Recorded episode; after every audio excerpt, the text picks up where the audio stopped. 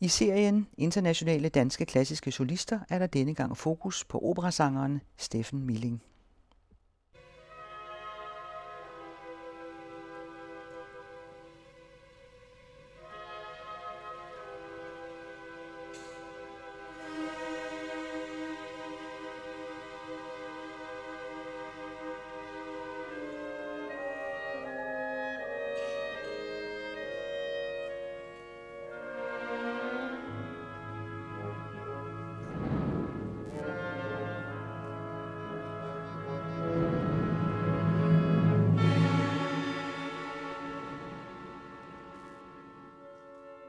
Det er jo altid spændende at høre, hvordan en karriere går i gang. Sanger starter jo stort set altid noget senere end pianister og violister, som er nødt til at øve sig fra de er børn. Ikke? Og det kommer så senere til sangere. Hvordan er det gået for dig ved at tænke på ikke bare at synge, men at få en rigtig karriere? Jamen det kom jo egentlig lidt øh, tilfældigt, fordi jeg faktisk var på en højskole, hvor, hvor jeg vidste, at der var en god øh, guitarlærer, fordi jeg var ved at, at og forbedre mig i at spille klassisk guitar. Jeg havde købt mig en håndbygget guitar det hele. Og så på det øh, øh, højskoleophold, øh, jeg var på, var der selvfølgelig på højskolen et højskolekor. Og øh, der sang vi et værk på et tidspunkt, jeg kan ikke huske, hvad det var, om det var Mozart C, eller hvad det var. Øh, men, men vi sang, øh, hvor, jeg, hvor der var lidt øh, sol i, og der sang jeg en af solistemmerne, selvfølgelig den mørke solstemme. Og der kan jeg huske, at min guitarlærer sagde, øh, har du nogensinde tænkt på at, øh, at drive det til noget? Og øh, så kendte han Svend Schulz, øh, som jeg så kom til at sange et par højskolesange for. for jeg, jeg synes egentlig, at jeg, jeg, jeg elskede at synge. Jeg synes, det var pragtfuldt at synge i kor. Og sang også øh, kor senere, øh, da jeg gik på konservatoriet. Og, og så startede jeg hos ham, øh, fantastisk, øh, hos sådan en, en gammel mester. Nu sidder jeg og kigger på mestersangerne. Men øh, en gammel mester, som selvfølgelig godt kunne se, at der var noget her. Altså rent stemme, materialemæssigt var der, var der noget at komme efter. Og derfor så øh, lukkede han mig ind, og, og vi startede så der to-tre gange om ugen. Men... Ikke bare med sang, men altså også alt det andet, som jeg ikke kunne. Ikke? Altså hørelærer og satslærer. Og... Det fik du altså hos Svend Schultz? Det, det startede, han, han vidste jo godt, at han ikke var en, en hverken hørelærer eller øh, øh, konservatorlærer, var han jo heller ikke. Men jeg tror ligesom, han kunne se, at jamen, jeg bliver nødt til at lære det her unge menneske lidt om, om den klassiske verden. Ikke? Mm. Og så introducerede han mig øh, til de forskellige værker, hans egne værker også for den sags skyld. Men, men øh, ja, hørelærer forklarede mig lidt om, hvordan tingene hang sammen. Plus at vi så også sang øh, de forskellige, og det var jo ikke alt, man kunne gå i gang med. Men, men jeg kan da huske, det var for det meste de dybe, rigtig dybe ting, da jeg havde en rigtig dyb stemme på det tidspunkt, som ikke var, var trænet overhovedet. Og så kan man så tale om den første spæde start, og så er det jo med at få gang i en karriere og holde den i kog. Hvordan er det gået, altså fra en debut og så gå videre? Hvordan, hvordan, hvordan arbejder man sådan en karriere op? Jeg tror, jeg, jeg tror, de fleste sanger ikke tænker på decideret på, og så gør vi sådan, og så gør vi sådan, og så skal jeg nå dertil. Jeg tror, det er lidt tilfældigt. Det handler også om, hvordan stemmen udvikler sig. Og den udvikler sig jo forskelligt hos de forskellige sanger. Ikke? En bas er meget senere udviklet end en sopran, som er ret hurtig og tidlig ude på markedet. Ikke? Så det er lidt forskelligt, men jeg tænker sådan set ikke over andet, end jeg vil gerne blive god til at synge. Og for mig, fordi Svend Schulz, for at vende tilbage, øh, tog mig med i det kongelige teater. Og der hørte jeg øh, kavalerier og bajaser. Og der blev jeg fanget, og jeg tænkte, der vil jeg gerne stå en dag. Så det var i og for sig mit mål til at starte med. Jeg vil gerne blive rigtig god til at synge, så jeg kunne komme på det kongelige teater.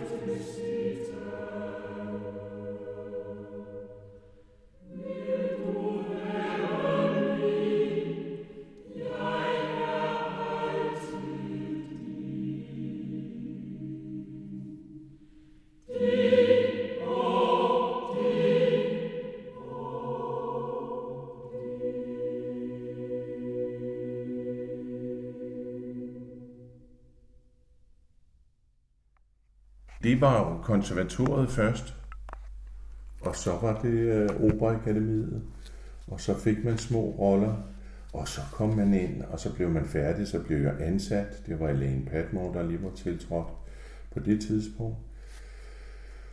Og øh, jamen, så handler det jo bare om at begynde at lære roller, øh, finde ud af, hvor stemmen er, hvad kan den bære.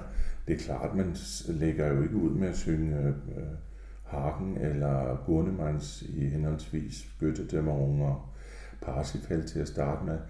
Og det er jo også noget, der handler om, at en sanger også skal vide, øh, hvad han skal eller hun skal sige nej til, og, og, og, og, og hvad de godt kan sige ja til, som ligesom følger stemmens udvikling. Ikke?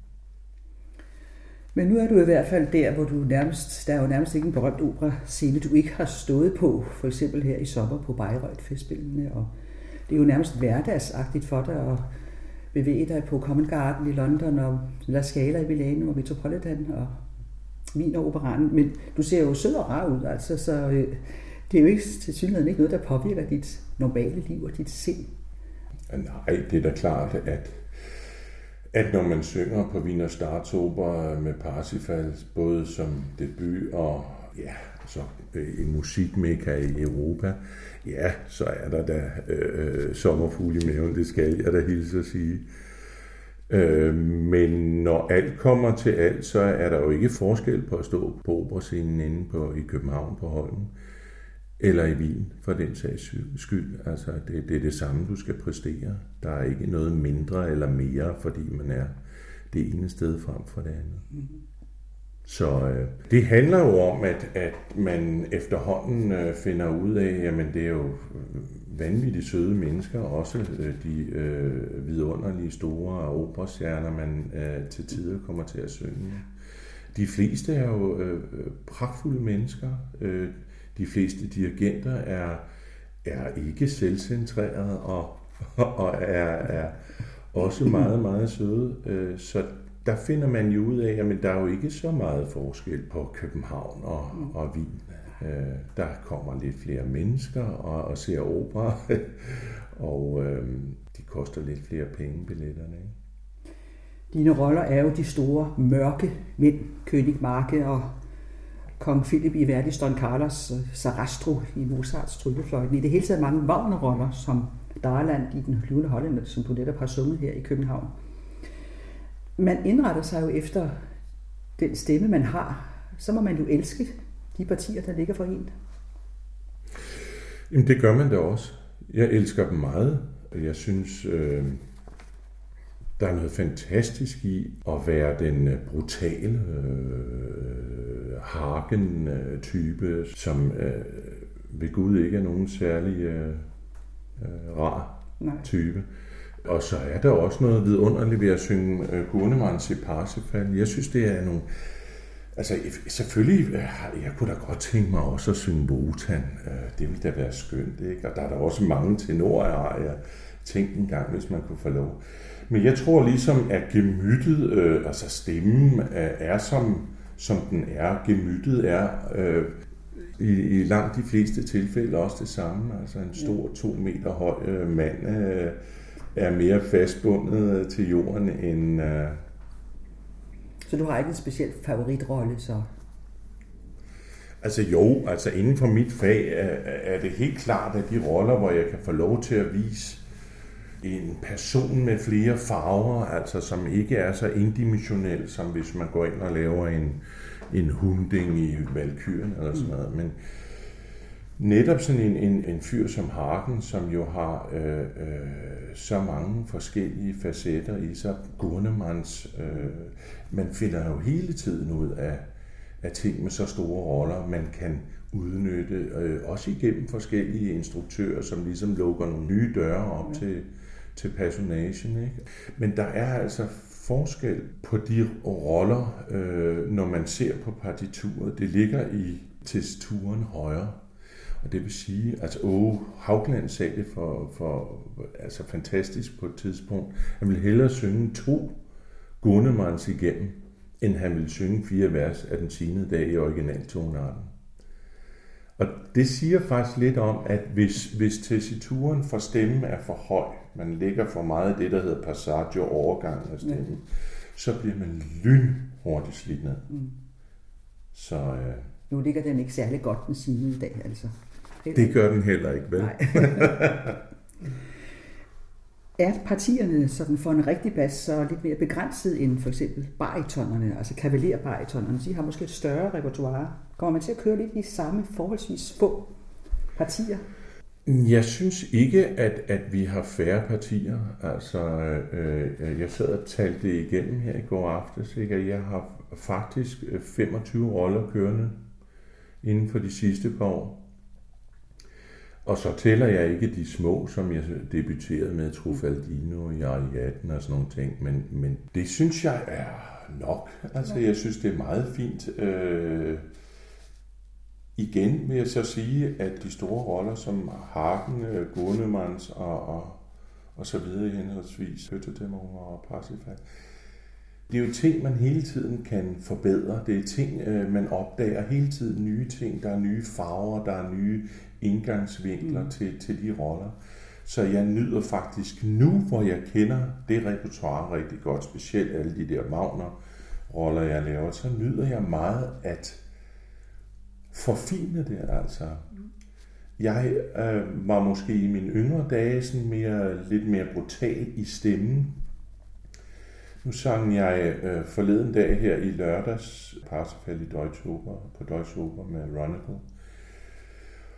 Og der synes jeg igen, jeg fandt nogle nye klange, nogle nye ting. Jeg var meget mere øh, bevidst om min, min øh, piano og min forte og sådan noget. Det synes jeg er rigtig sjovt.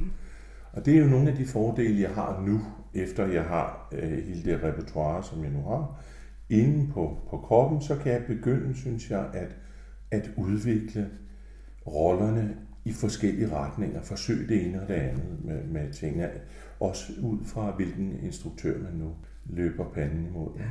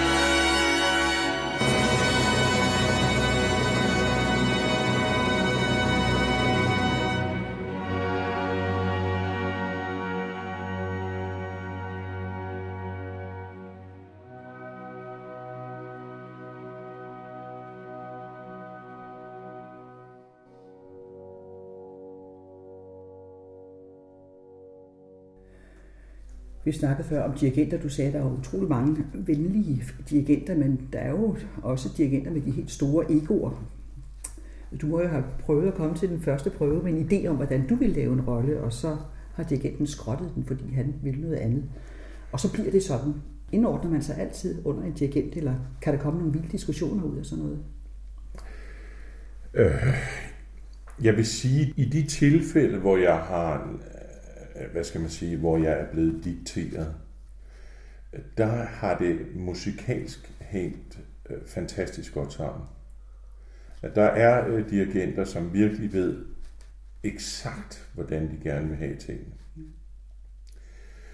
Og så kan man så sige, så kan man øh, enten øh, lige lukke den i bageriet, eller også kan man ikke, og så må man tage sit gode tøj og gå det har jeg nu aldrig været ude for. Fordi jeg synes altid på en eller anden måde, så kan jeg godt lide, at der kommer en dirigent, som har en klar forestilling af det, han gerne vil musikalsk. Ja. Og man kan lære utrolig meget altså, af, af, af de øh, dirigenter. Altså sådan en som Christian Thielemann ved jo eksakt, hvad han vil. Og der er meget lidt slinger i valsen Øh, det er klart, hvis han kan mærke, at man vokal bliver presset, fordi det enten er for langsomt eller for hurtigt, så er han til at tale med. Mm. Men over linjerne over værket, eller værkerne, vi laver sammen, der er han øh, helt klar med Og der må jeg sige, også fordi han er den musiker, han er, øh, så bliver jeg, øh, altså nogle af de aller, allerstørste musikalske oplevelser har jeg så haft. Mm. Og han også så, med ham. Ikke? Det vil sige, at han er så den dirigent, der måske har betydet mest for dig?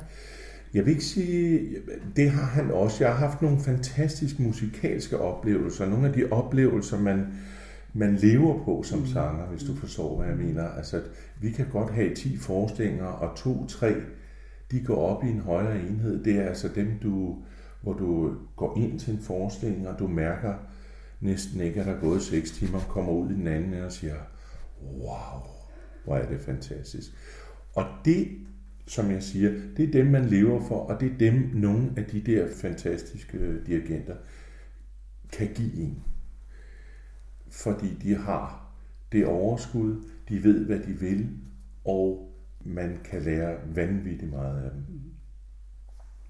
Det kunne være sjovt at høre, om hvordan det fysiske spiller ind, altså den måde, man simpelthen er bygget på fra naturens hånd, både sangteknisk og så den måde, man virker på på scenen med den figur, man nu har.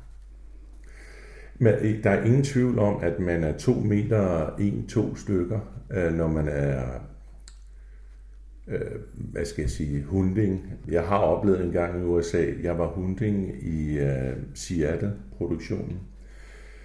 Og øh, jeg er jo som sagt to, en, to stykker, ikke? Og der har jeg et kostyme på med en ægte bjørneskinspels øh, ud over og brynje indenunder og en, en, øh, en hjelm, der går ned over, over næsen, som er rigtig, rigtig varmt.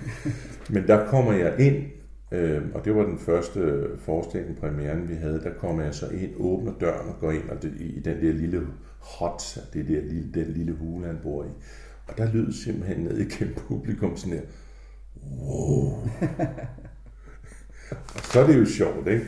Det er jo, det er jo fantastisk. Jo, det har da en betydning, altså. Men jeg vil da også sige, at, at øh, Kurt Ryttel, som er næsten halv min højde, ikke?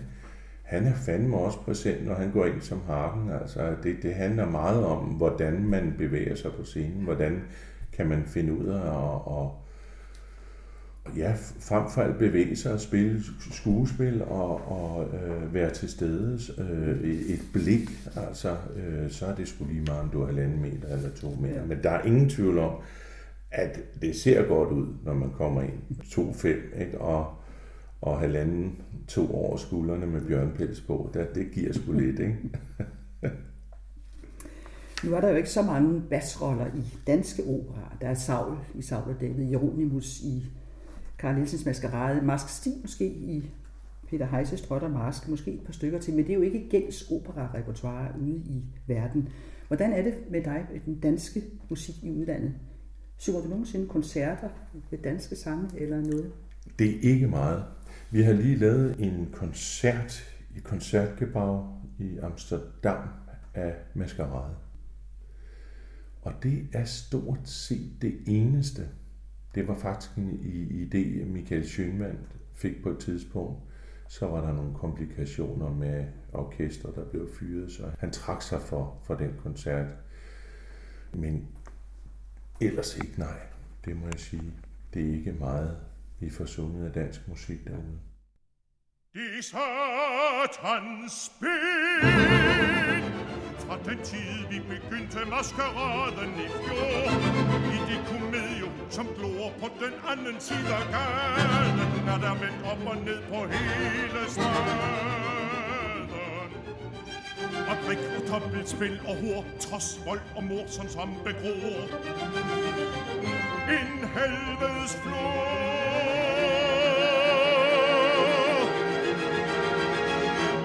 Herr Leonard som bor Jeg er en mand som holder ord Og kommer her om lidt. Himmel og jord Gid fanden havde dit æble Hvilke tider, hvilke lader Jeg ulykkelige fader Disse maskerader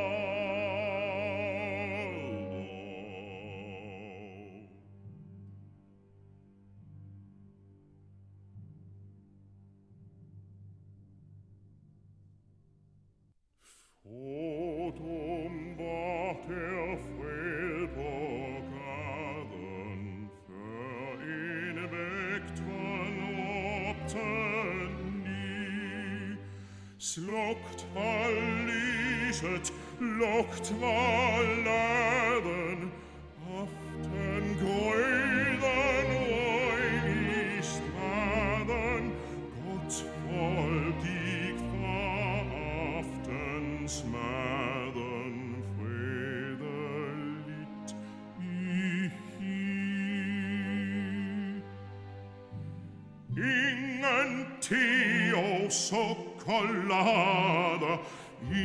kochets Kaffee, komm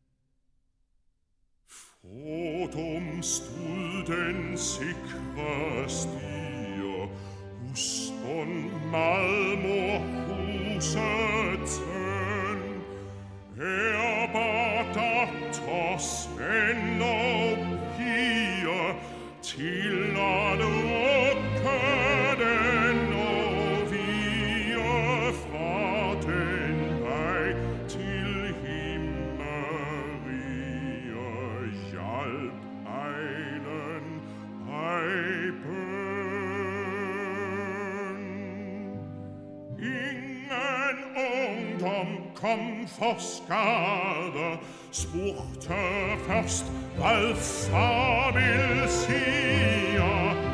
Måske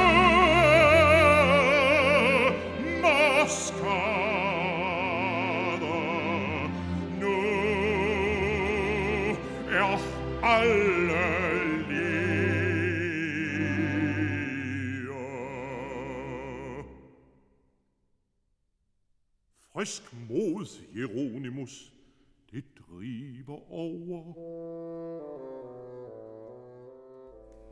Er der nogle værker eller nogle komponister, du simpelthen siger nej til? Noget, du ikke bryder dig om?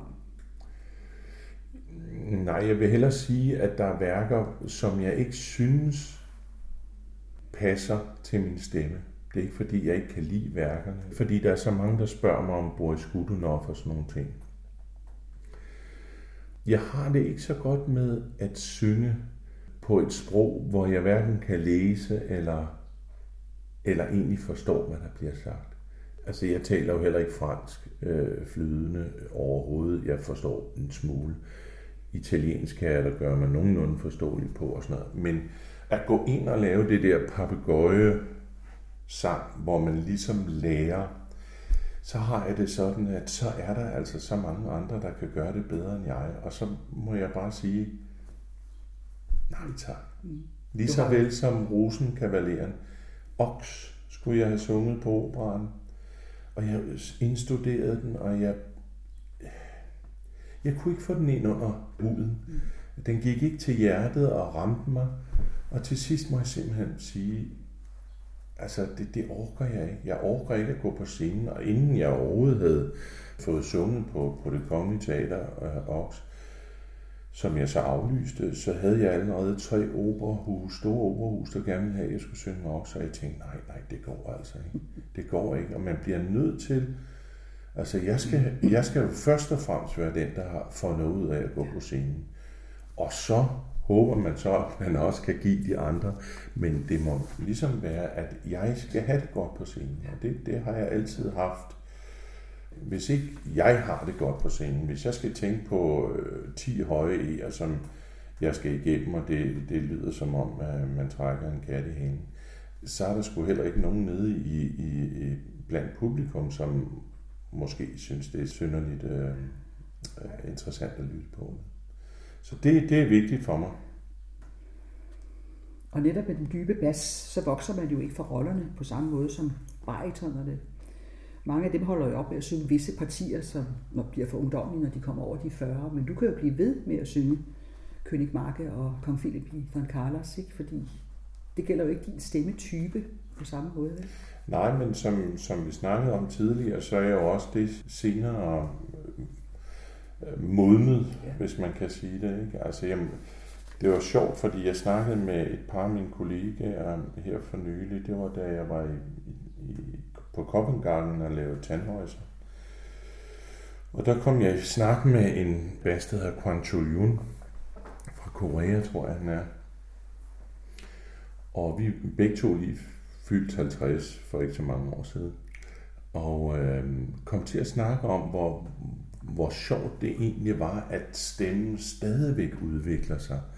Der er stadigvæk ting, som, som bliver nemmere Altså højden for eksempel bliver nemmere at, at, at synge for mig, end den var for 10-15 år siden, hvor jeg virkelig måtte slide for, for, for nogle af de høje toner.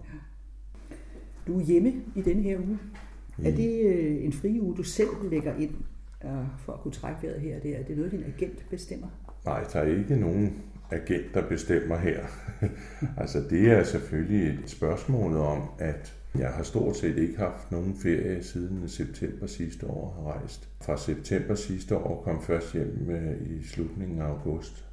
Øh, så det er en lang periode, og så er det klart, så bliver man altså nødt til at restituere sig på en eller anden måde. Fylde op igen. Nu er mine børn efterhånden ude alle sammen, så, øh, så kan jeg tillade mig de ting. Mm. Men så handler det i, i stor grad også om, at man, man skal reloadet, som man siger, lades op igen øh, af andre ting. Der er, øh, jeg har aldrig forstået de øh, sanger, der kan turnere 11 måneder om året og bare køre derude af. Jeg har brug for, for at gå på jagt herover med øh, gutterne og, og øh, øh, gå ud og fiske med en af mine sønner eller sådan nogle ting. Og det, der bliver jeg ladet op igen, og så kan jeg ligesom komme ud, og så synes jeg, at jeg er klar igen og, og kan, kan på ny øh, forhåbentlig være interessant sangligt. Som Også fordi du rejser så meget og oplever andre landes musikliv, så ser du måske lidt anderledes på det danske musikliv, end os, der er her det meste af tiden. Vi kæmper jo for at holde humøret oppe med alle de nedskæringer. Hvordan er dit syn på den klassiske musik og operan i Danmark, måske lidt ud i fremtiden? Uha. Sig det bare. Det er svært, øh, fordi indimellem, så synes jeg, at jeg bliver nervøs, når jeg ser, hvordan vi på en eller anden måde fjerner musik fra vores folkeskoler, øh, øh, platformene for klassisk musik rundt omkring i vores medier er også blevet øh, indskrænket. Ikke? Operan øh, har mistet, jeg ved ikke hvor mange korsanger, og nu også orkestret er blevet skåret ind til benet. Så hvis jeg skal være helt ærlig, så har jeg på et tidspunkt tænkt, jamen, det kan godt være, at vi ikke har nogen opera i, i København om, om 15 år. Måske 20 år. Så kommer der nogle gæstespil, og så er det det. Det øh, håber jeg så selvfølgelig ikke, men, men jeg må sige lige nu, øh, så er alt fokus på... Øh, øh, selvfølgelig for det meste hos politikerne, der er det eneste ord, der ligesom står lysende klart over alle, det er det, der hedder vækst. Vækst er ligesom blevet et, et ord, som alle skal følge, og alle skal gå ud fra, og det er så på bekostning af alt muligt andet. Og øh, øh det er rigtig trist. Jeg synes, vi, jeg, indimellem synes jeg, at vi mangler nogle politikere, nogle, nogle folk, der sidder og bestemmer øh, i toppen, som må se længere end bare vækst og tal, og, og også se på, hvad vi øh, som mennesker har brug for. Og er det værre i Danmark? Altså, jeg har snakket meget med tyskere om det, og de er jo altså, de er vokset op med Goethe, ikke? de er vokset op med Bach og alle de her ting, og har en større plads i deres verden, end den har herhjemme. Øh, tager du til Wien, er det jo endnu større grad. Altså, der ser du rigtig mange unge mennesker i operaen. De får undervisning i malerkunst, i øh, øh, klassisk musik osv. Så, så der kan vi overhovedet ikke sammenligne os med. Der ligner vi nærmere kulturelle analfabeter. Men øh, der er ingen tvivl om, at den er også på vej i Tyskland. Det er den. Øh, musikken forsvinder også fra skolerne. De forskellige ungdomsprogrammer, som nogle orkester har haft med musikseminarer og sådan noget, de mister også tilskud. Så øh, ja, jeg synes, det er svært. Jeg ved, at i Tyskland og i Østrig og i, i, i Italien, ja, der i Italien, det er helt for sig selv. Det, det er næsten forfærdeligt at snakke om. Men, men i hvert fald i, i Tyskland, Østrig og øhm, England, der tror jeg, at det er så stor en del af dem, af deres øh, kultur, så der har vi da i hvert fald håb om at komme ned og synge. Men lad os se om øh, 15-20 år. Så vi snakkede om før, bassanger holder jo længere end andre sanger, så du har sikkert mange år foran dig endnu. Men har du alligevel overvejet en fremtid, hvor du ikke er med længere, og du ikke skal rejse, og hvad kunne du tænke dig? Ja, men det har jeg da. Jeg ved ikke, om der er noget, jeg har aldrig tænkt på at undervise, hvis det er det, du tænker på. Øh, hvem ved, det kan da godt være. Ellers har jeg masser af ting, jeg, og som jeg går og laver, når jeg er hjemme. Ja, som jeg har nævnt, jeg elsker at gå på jagt. Mm. Jeg elsker at være ude i naturen. Jeg kunne godt tænke mig at være selvforsynende med mange ting. Jeg brygger øl med nogle af mine kammerater.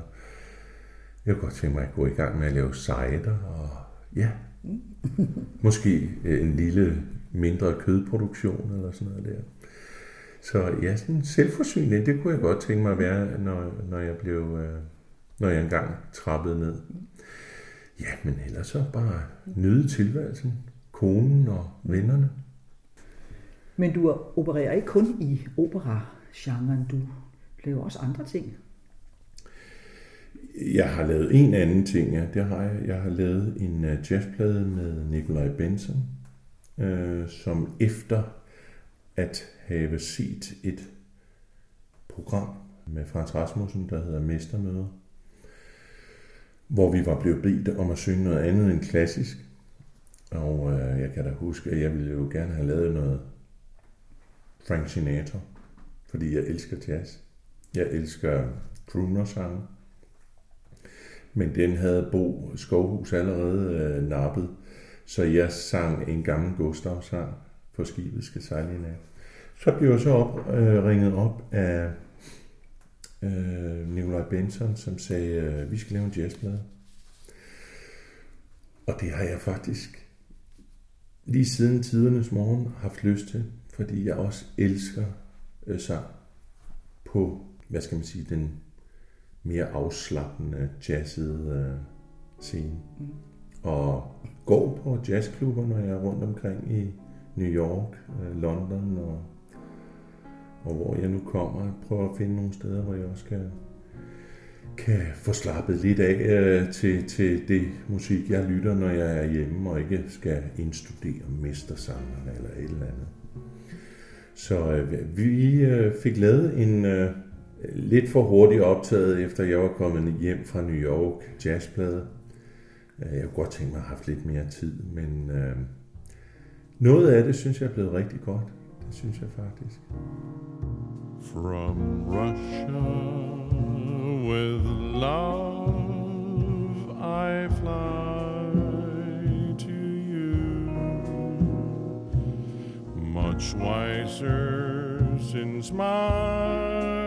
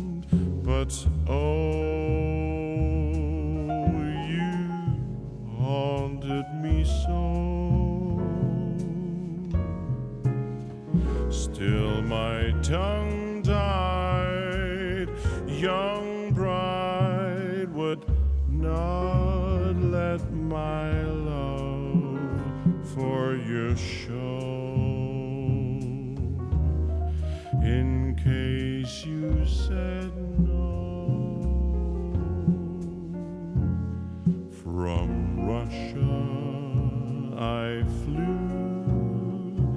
but there and then I suddenly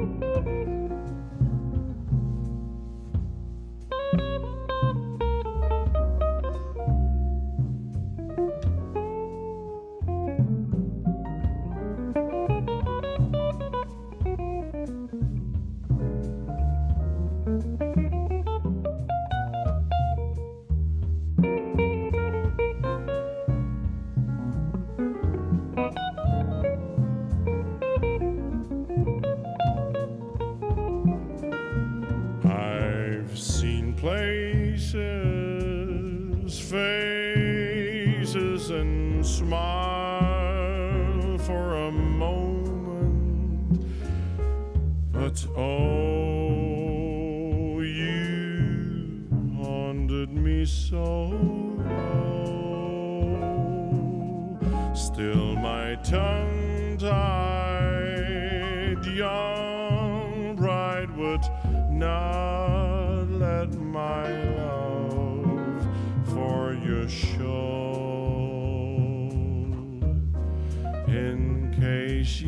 said no.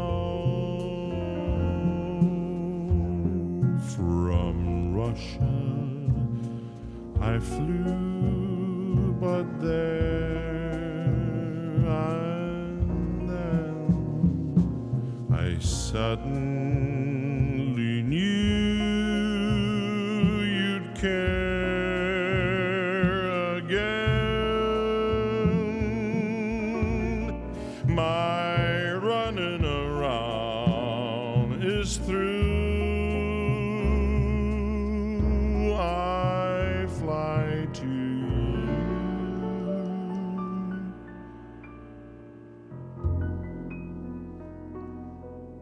from Russia.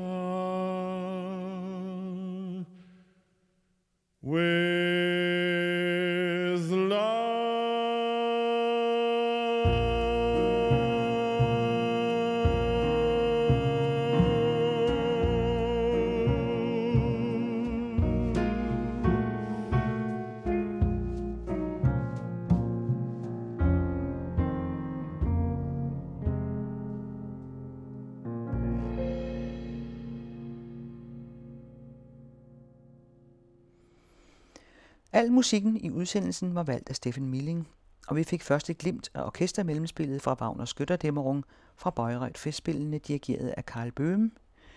Dernæst sang DR radiokoret Svende Schulz, Yndig dufter Danmark. Så ville Steffen Milling gerne høre en af sine forgængere som Gurnemanns i Parsifal i langfredagsmusikken Kurt Moll, og det var med Berliner Philharmonikerne dirigeret af Herbert von Karajan. Dernæst fik vi Steffen Milling som Jeronimus i Karl Nielsens Maskerade med DR Symfoniorkestret dirigeret af Michael Schønwandt. Og til sidst From Russia with Love, hvor Steffen Milling sang med pianisten Nikolaj Benson i hans arrangement.